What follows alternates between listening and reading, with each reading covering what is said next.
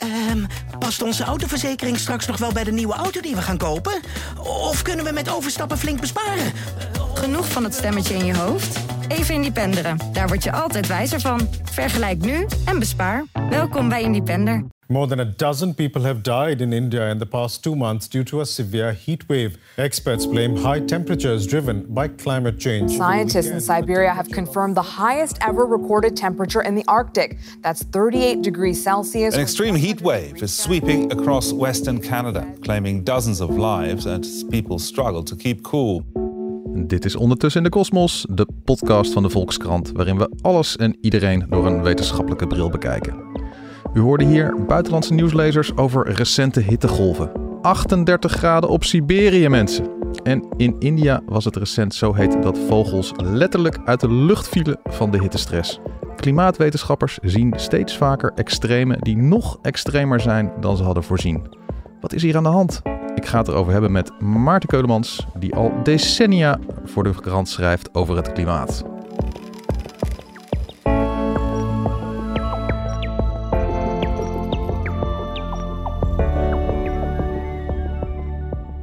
Maarten, om te beginnen even die hittegolf in India.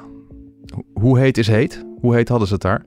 Nou, het was vooral een hele vroege hittegolf. Het was uh, meestal is het voordat de moesson begint, uh, wordt het daar vaak al heel erg heet. En uh, nu was het al in maart begon het in India zelf nou ja, heter dan 47 graden te worden. En dat bleef maar doorgaan met die hitte. Uh, nou ja, uh, in mei was het in de Pakistaanse stad uh, Jacobabad. Dat is een stad die heel bekend staat om zijn hete records. Daar was het al 51 graden. Oef. Dus echt moorddadig heet. Dat is echt eigenlijk te heet dat je nog echt buiten kunt overleven als je het heel technisch bekijkt. Dus uh, ja, heel vervelend. In Turkmenistan, een stuk noordelijker en veel hoger gelegen land. Daar werd ook een, uh, een hitterecord verpulverd. En het grappige was, ik sloeg een beetje aan op die, die vogels die uit de lucht vielen. Ik dacht van ja, dat zal toch wel echt overdreven zijn. Dus ik ben, uh, ik ben gaan, gaan bellen en mailen met uh, naar de plaatselijke uh, vogeldienst. En ik kreeg, na een tijdje kreeg ik ook een heel vriendelijk antwoord van de manager daar. Ja. En die zei van ja, nee, dat is geen broodje aapverhaal. Dat is echt zo. De vogels vallen hier echt letterlijk, nou ja, nog niet dood, maar wel uitgeput van het dak af en vanuit de boom. Uh, van hittestress. Stress. En dat kunnen ze zien aan dat die beestjes uh, gebroken vleugels hebben en, en letsel hebben. Waardoor ze dus, ja, waar je echt kunt zien van die zijn gewoon gevallen. Dus uh, ja, dat doet allemaal heel apocalyptisch uh, aan. En dat slaat natuurlijk ook heel erg aan in de westerse media. Dat uh, resoneert natuurlijk van jeetje, wat is hier aan de hand? Ja, dat had ik vooral met die vogels die dan uit de lucht vielen. dacht ik echt van, ja, dit is echt zo'n apocalyptisch klimaatbeeld. Ja, hè? ja, precies. Nou is meteen daar uh, achteraan hoort wel de zin van dit gebeurt gewoon vaker in India. Ik heb wel ontdekt dat er ook al eerder een hittegolf is geweest in 1998. Waarbij de vogels ook uit de bomen vielen en van de gebouwen vielen. Mm -hmm. Maar ja, dat neemt niet weg dat het gewoon wel echt verschrikkelijk heet is. En ja, niet leuk als je dat meemaakt natuurlijk. Dit, in dit geval was bijvoorbeeld ook zo een, een hele grote vuilnisbelt in New Delhi. Die vatte vlam. En uh, leidde tot enorme smok in uh, New Delhi. Nou ja, een, een, brandende vuilstort. Je kunt je er van alles bij voorstellen hoe smerig dat is. Ja. Uh, de stroom moest er urenlang af in een hele hoop plekken en een hele hoop steden. Omdat ze ja, anders niet aan de, aan de piek van de stroomvraag konden voorzien voor de airconditioning. Waar, er gewoon niet genoeg kolen meer. Dus ja, allemaal dat soort overlast geeft het. En er gingen ook nou ja, mensen dood. Tientallen mensen. Niet echt heel veel, maar wel gewoon ja, dat mensen gewoon doodgaan van de hitte. ja, dat is extreem. He hele domme vraag, maar hoe ga je dood van de hitte? Je stapt naar buiten en dan val je om of zo? Hoe, hoe werkt dat? Nou ja, op een gegeven moment kan je systeem het gewoon niet meer, uh, niet meer goed de hitte kwijt. Uh, dat gebeurt zeker, dat noemen ze dan een natte bol temperatuur. Dat is de temperatuur waarbij uh, ja, een, een, een, een thermometer die je in een natte doek wikkelt, uh, niet meer kan koelen. Uh, normaal raak je warmte kwijt door, door verdamping, doordat je zweet en dat zweet verdampt. Mm -hmm. En op een gegeven moment dan lukt dat gewoon niet meer. En dan ja, slaat je hart op hol, uh, je systemen slaan op hol en nou ja, je, je valt inderdaad, je raakt onwel, zeg maar. Ja, ja. En met name met oudere mensen is dat het geval. heel bekend is natuurlijk de hittegolf die we in Europa hadden in 2003. Echt alweer een tijdje geleden, 20 jaar geleden. Mhm. Mm -hmm. Dat was eigenlijk geldt het als Europa als eerste echte klimaatramp. Toen zijn er echt iets van uit mijn hoofd zeg ik 30.000, 40.000 mensen ongeveer. Die zijn toen uh, overleden in Europa. En dat zijn dan oude mensen, zwakke mensen die gewoon ja, de hitte niet meer aankonden. En overleden. Uh, geen mensen in de kracht van hun leven die naar buiten lopen en ineens dood neervallen. Maar ja, weet je, het is natuurlijk wel heel erg als, je, als het net het laatste duwtje is voor je opa of je oma. Precies, ja. En uh, ja, bij een land als India, ja, dan denk ik inderdaad van ja, daar is het vaker heet. En dan was dit nog veel heter dan normaal heet. Ja. Maar dan zo'n record, wat, dan, wat je dan soms hoort van Siberië 38 graden. Ja, dat was inderdaad een heel bijzondere situatie. In 2020 was dat trouwens, uh, boven de 38 graden. En, en dat is eigenlijk ook een beetje de lijn waarom ik uh, voor de Volkskrant daar dus in ben gedoken. Je ziet de laatste tijd, zie je al die gekke, malle records. Vorig jaar herinner je je misschien nog wel. Toen hadden we in, uh, in Zuid-Europa, op Sicilië hadden we enorme recordtemperatuur. Mm -hmm. uh, we hebben een hittegolf gehad in Canada toen met een krankzinnige temperatuur van tegen de 50 graden. Uh, die watersnood in Duitsland hebben we, hadden we, weet je wel. Die, uh, waarbij dat uh, toen de aar buiten zijn oevers ging treden. En nou ja, ook in Valkenburg heeft het natuurlijk heel veel overlast gehad. Ja, maar ja, dat, dat was door extreem weer, toch? Was dat, het was door extreem regenval. regenval ja. En dat had ook weer met klimaatverandering te maken. Nou, dat is, dat is echt heel erg de vraag of, dat, of die regenval, dat is een beetje een geval apart. Dat had waarschijnlijk niet met, de, met klimaatverandering te maken. Mhm. -hmm. In het algemeen is het wel zo dat warmere lucht kan meer water bevatten en dus ook heftigere regens uh, opleveren. Ja, ja. Dus, uh, maar, maar om nog even dat rijtje af te maken, dat was, dus, dat was dus vorig jaar. Maar het jaar daarvoor had je dus die hittegolf in, uh, in Siberië. Je had die enorme bosbranden, die kan je ook nog wel herinneren, in Australië en in Californië. Mm -hmm. En het jaar daarvoor was dat jaar 2019, toen we hier in West-Europa al die malle hitterecords hadden. Toen werd het hier voor het eerst boven de 40 graden, weet je nog wel? Ja.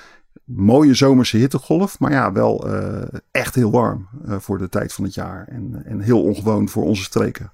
En, en lopen dit soort. Ik bedoel, het is bekend, uh, de aarde wordt langzaam een beetje warmer.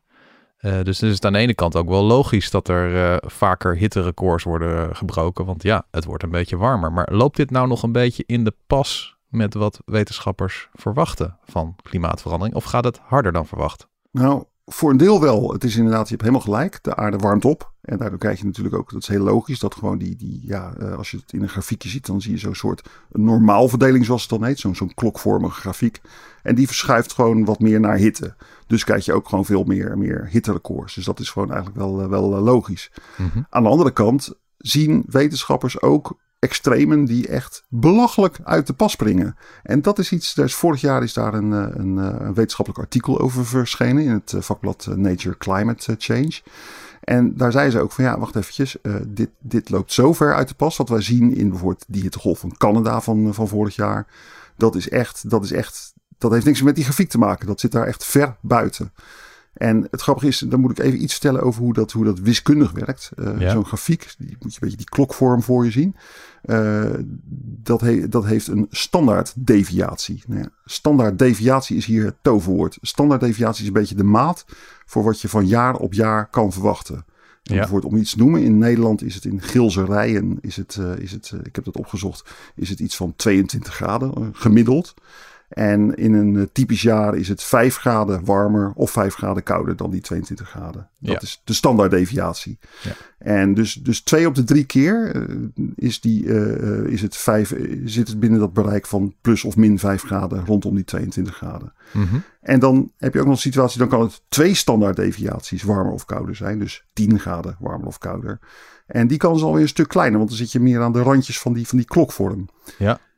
En dan heb je nog een keertje de situatie, nou dan kom je echt een beetje op de gekke eh, situatie. Stel nou dat het een keertje drie standaard deviaties afwijkt van dat gemiddelde. Nou, drie standaard deviaties, dus drie keer gewoon wat normaal is eh, als afwijking. Dan zit je op een kans van ongeveer, nou ja, drie op duizend keer dat dat zal gebeuren. Ja. En zo gaat het maar door. En nou ja, wat ze bijvoorbeeld in, in Canada hebben gezien, die, die hittegolf waar het bijna 50 graden werd.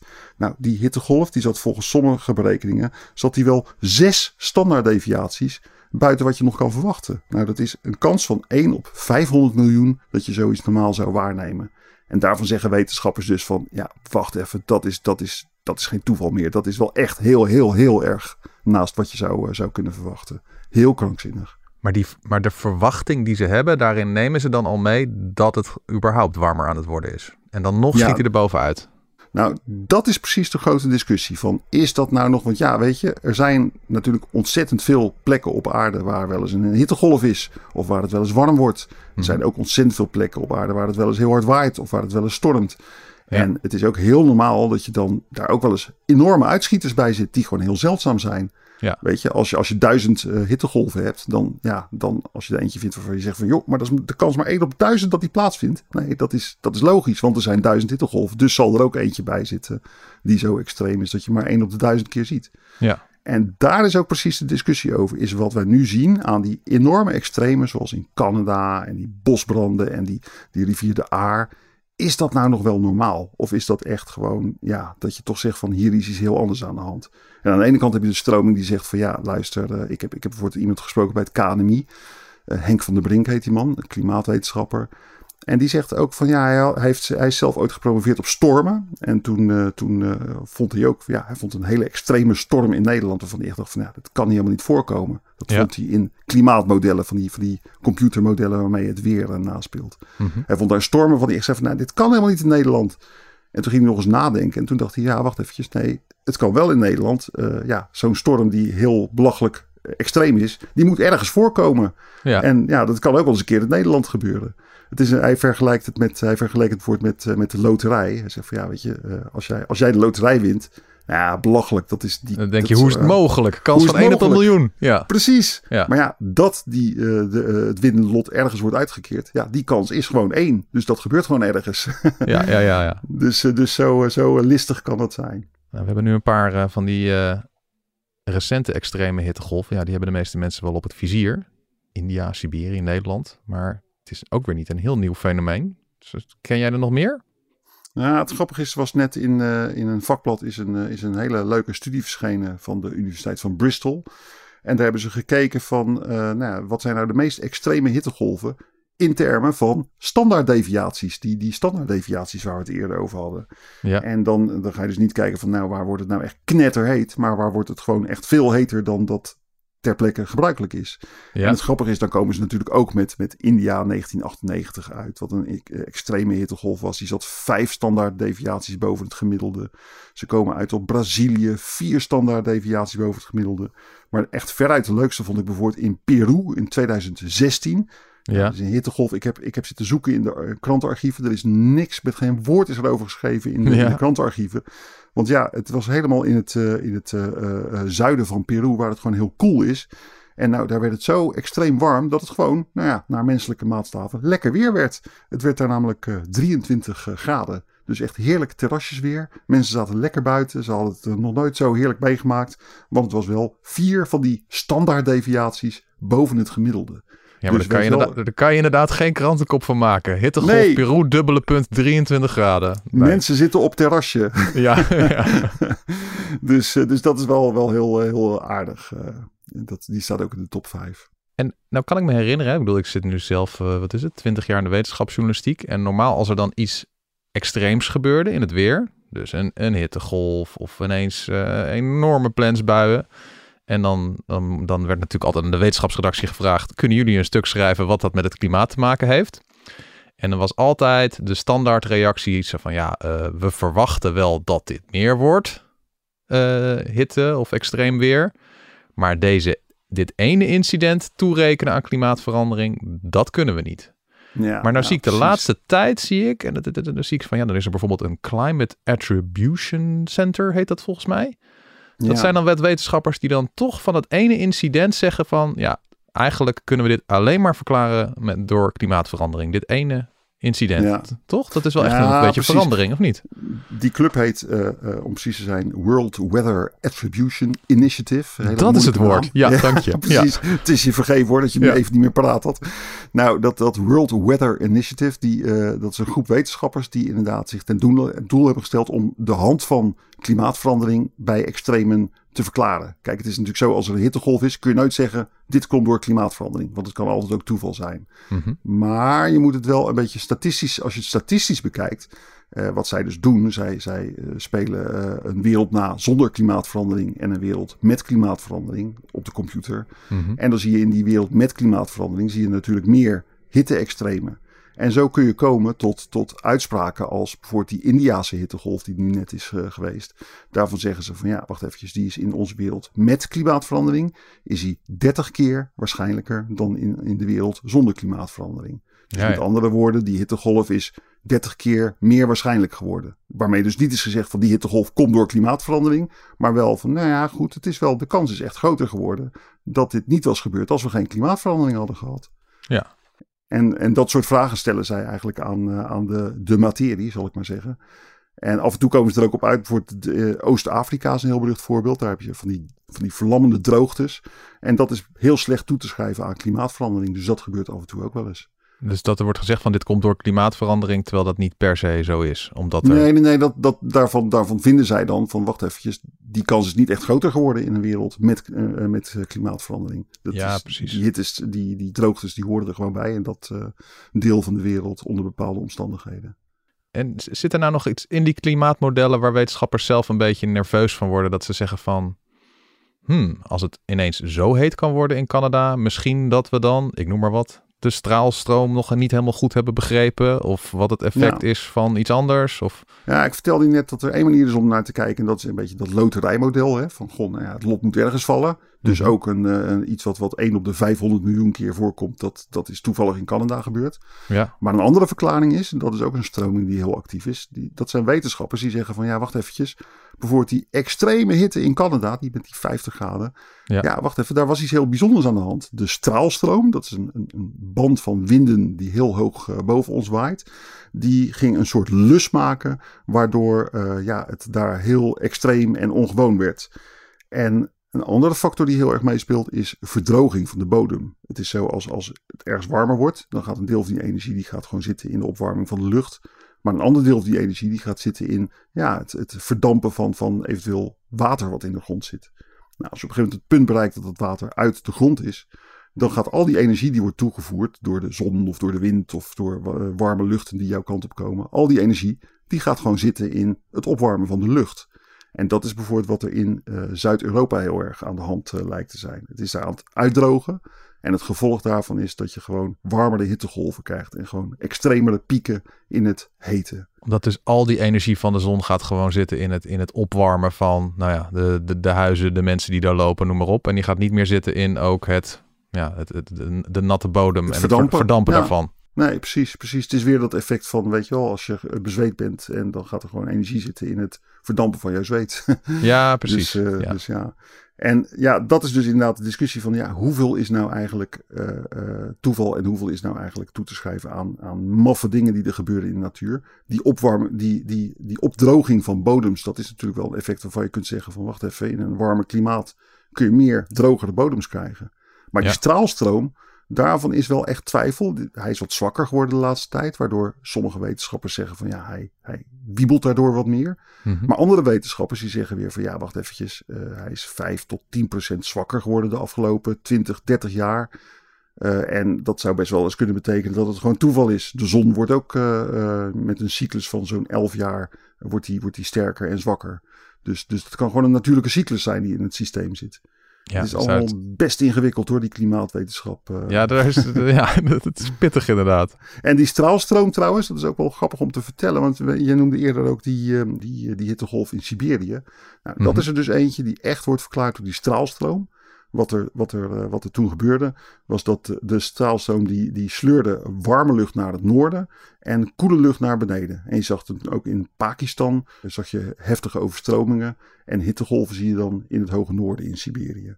Dus dat zijn echt die effecten van ja, die, die, die straalstroom die werkt als een soort eh, ja, aandrijfkabel van het hele weersysteem. En als die Ja. straalstroom anders gaat lopen, ja, dan krijg je gewoon eh, malle, malle dingen. En, en gaat die door klimaatopwarming sowieso een beetje anders lopen? Of dat zijn wetenschappers daar nog helemaal niet uit? Nee, dat is, dat is dus echt, hele, dat is echt helemaal de vraag. Dat is de discussie. Ik dacht eigenlijk van, goh, ja, hij gaat anders lopen door klimaatverandering. Vanwege die afzwakking van de straalstroom. Maar ik heb daarover gesproken met eh, Dim Kumu. Dat is een hoogleraar klimaatextremen. Ja, ja, die hebben we hier in Nederland.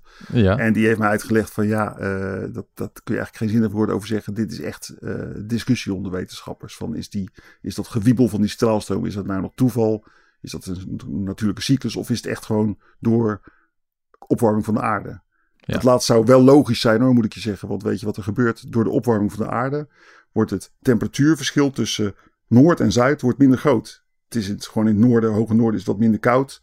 En daardoor ga, kan, je wel eens, kan je wel eens het effect hebben dat die straalstroom anders gaat lopen. En als die dat echt zou doen, dan is het een ramp? Of, Nou, ja, een ramp, weet je, wat je, waar je gewoon rekening mee moet houden, is dat er dan gewoon uh, gekke dingen gaan gebeuren in het weer. Zoals we die inderdaad af en toe zien. Dus inderdaad, denk aan die hittegolven in Siberië, denk aan, uh, aan enorme stortregens in Pakistan. Maar denk bijvoorbeeld ook aan die watersnood die wij in Europa hebben gehad vorig jaar. Die werd mm -hmm. veroorzaakt waarschijnlijk doordat er gewoon een, een, een regengebied klem kwam te zitten ergens boven, boven Duitsland. Een beetje in onze hoek van, van Duitsland en de Ardennen. Ja. Kon niet meer weg en is daar gewoon ter plekke keihard uitgeregend. En ja, uh, met enige fantasie kun je zeggen, als die straalstroom anders uh, zich had gedragen, dan was dat regengebied was daar niet klem komen te liggen. En dan was het, was het niet gebeurd.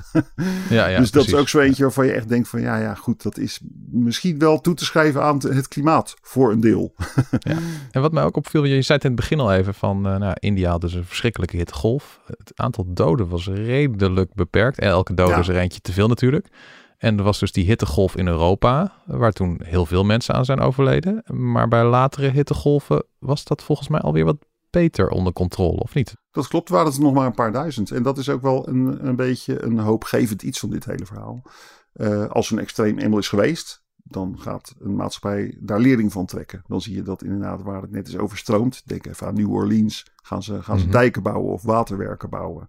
Of uh, in Europa, na die enorme hittegolf van 2003, is al die aandacht gekomen voor uh, weercodes en, en hitteplannen. Nou, het RIVM heeft ook zo'n hitteplan. Hè. Als er een hittegolf nadert, dan moeten we op de ouderen letten. En dan moet je vooral veel drinken. En dan krijg je allemaal adviezen. En nou, Ja. weet je wel, we letten daar gewoon extra op. Ook in India, daar, daar zitten ze ook van, van ja, daar zijn ze bezig met het eh, inrichten van faciliteiten. Met airco's waar je dan gewoon kan schuilen als je zelf geen airco hebt. Tijdens zo'n hittegolf. Oh, dan ga je Dus- echt naar een soort gym, gymzaal om te, om te schuilen Ja. voor de hitte waar de airco aan het loeien Echt een- is. ja. echt grappig. Echt een soort schuilkelder voor hittegolven.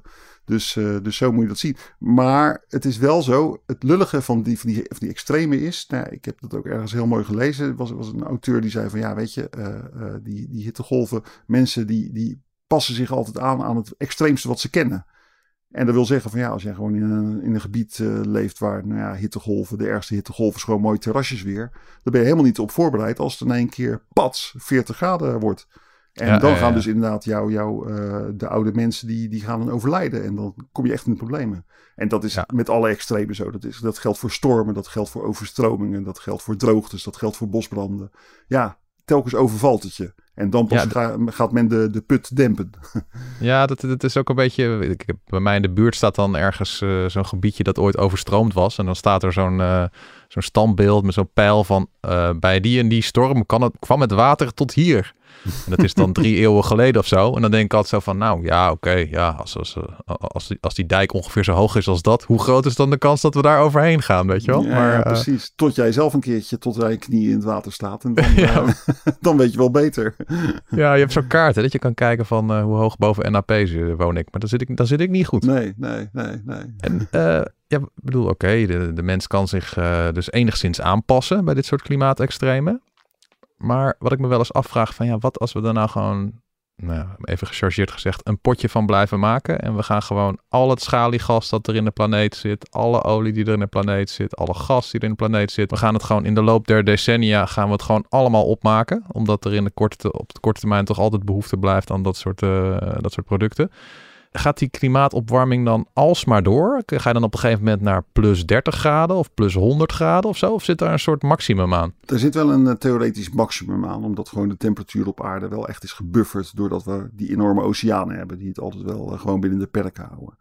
Mhm. Maar ja, weet je, voor de, voor, de, voor de korte termijn, voor gewoon de termijn van ons en onze kinderen en onze kleinkinderen en de komende generaties. Ja, dan zit je natuurlijk wel gewoon met het hele simpele spel. Hoe meer eh, CO2 wij eh, de dampkring instoten, hoe meer het opwarmt. En hoe meer ook die, van die extremen we gaan krijgen. En van dat soort hele ontregelende dingen als superstormen en, en enorme extreme hittegolven. Dus dat is wel een beetje het. eh, ja, het, het is ook gewoon een argument om te zeggen: van ja, jongens, het is echt niet gezond wat wij aan het doen zijn met het opwarmen van het klimaat.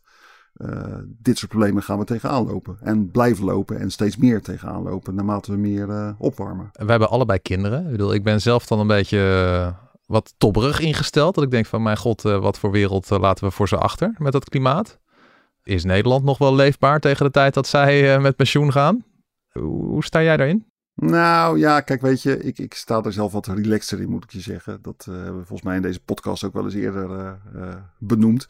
Mm-hmm. ik, ik ben wel een beetje van de stroming van, nou ja, zeker in Nederland. Hè, we zitten hier gewoon wel goed. En we hebben een heel goed beschermde delta. En ja, ik heb wel eens gehoord van Matthijs Kok, hoogleraar waterbouwkunde uit Delft. Die zei het een keertje heel mooi. Die zei van, ja, weet je, de komende twee eeuwen zitten we hier echt nog wel goed.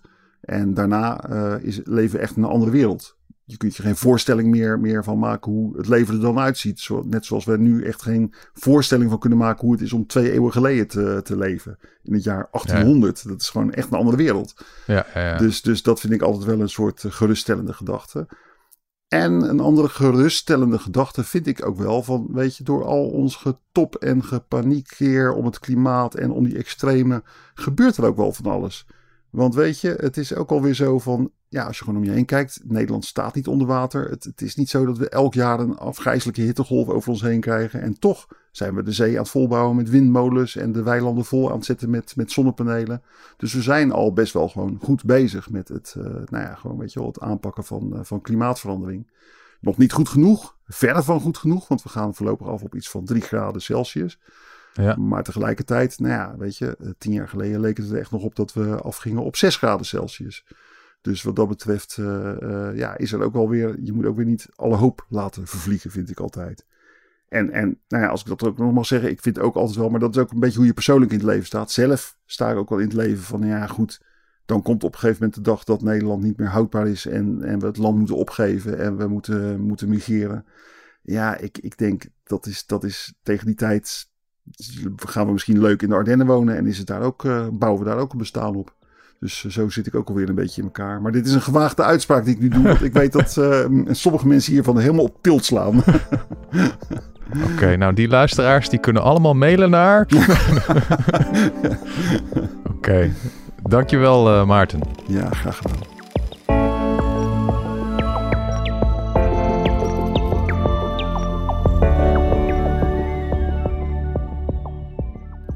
Dit was Ondertussen in de Kosmos, de podcast van de wetenschapsredactie van de Volkskrant. Grote dank aan mijn gast van vandaag, Maarten Keulemans, wetenschapsredacteur bij de Volkskrant. Schrijft veel over virussen, heeft u misschien meegekregen, en ook veel over het klimaat. En heel vroeger schreef hij ook over oermensen. Dat is een beetje minder geworden. Maar misschien komt dat ook wel weer terug, Maarten. Als we er eentje vinden, dan ben ik erbij, Tony. Beloof ik je. Oké, scherp. Wil je de volgende aflevering van deze podcast niet missen? Ga dan naar Ondertussen in de Kosmos in je favoriete podcast-app en klik op abonneer. Mijn naam is Tony Mudde. Graag tot de volgende keer.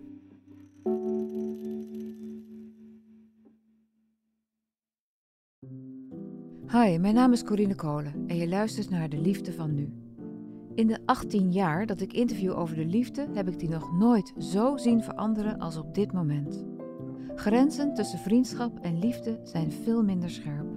En ook de strikte verschillen wat betreft seksuele geaardheid en voorkeuren zijn aan het vervagen. In deze podcast interview ik telkens iemand die vertelt over hun zoektocht naar liefde en vriendschap. Dit is de liefde van nu.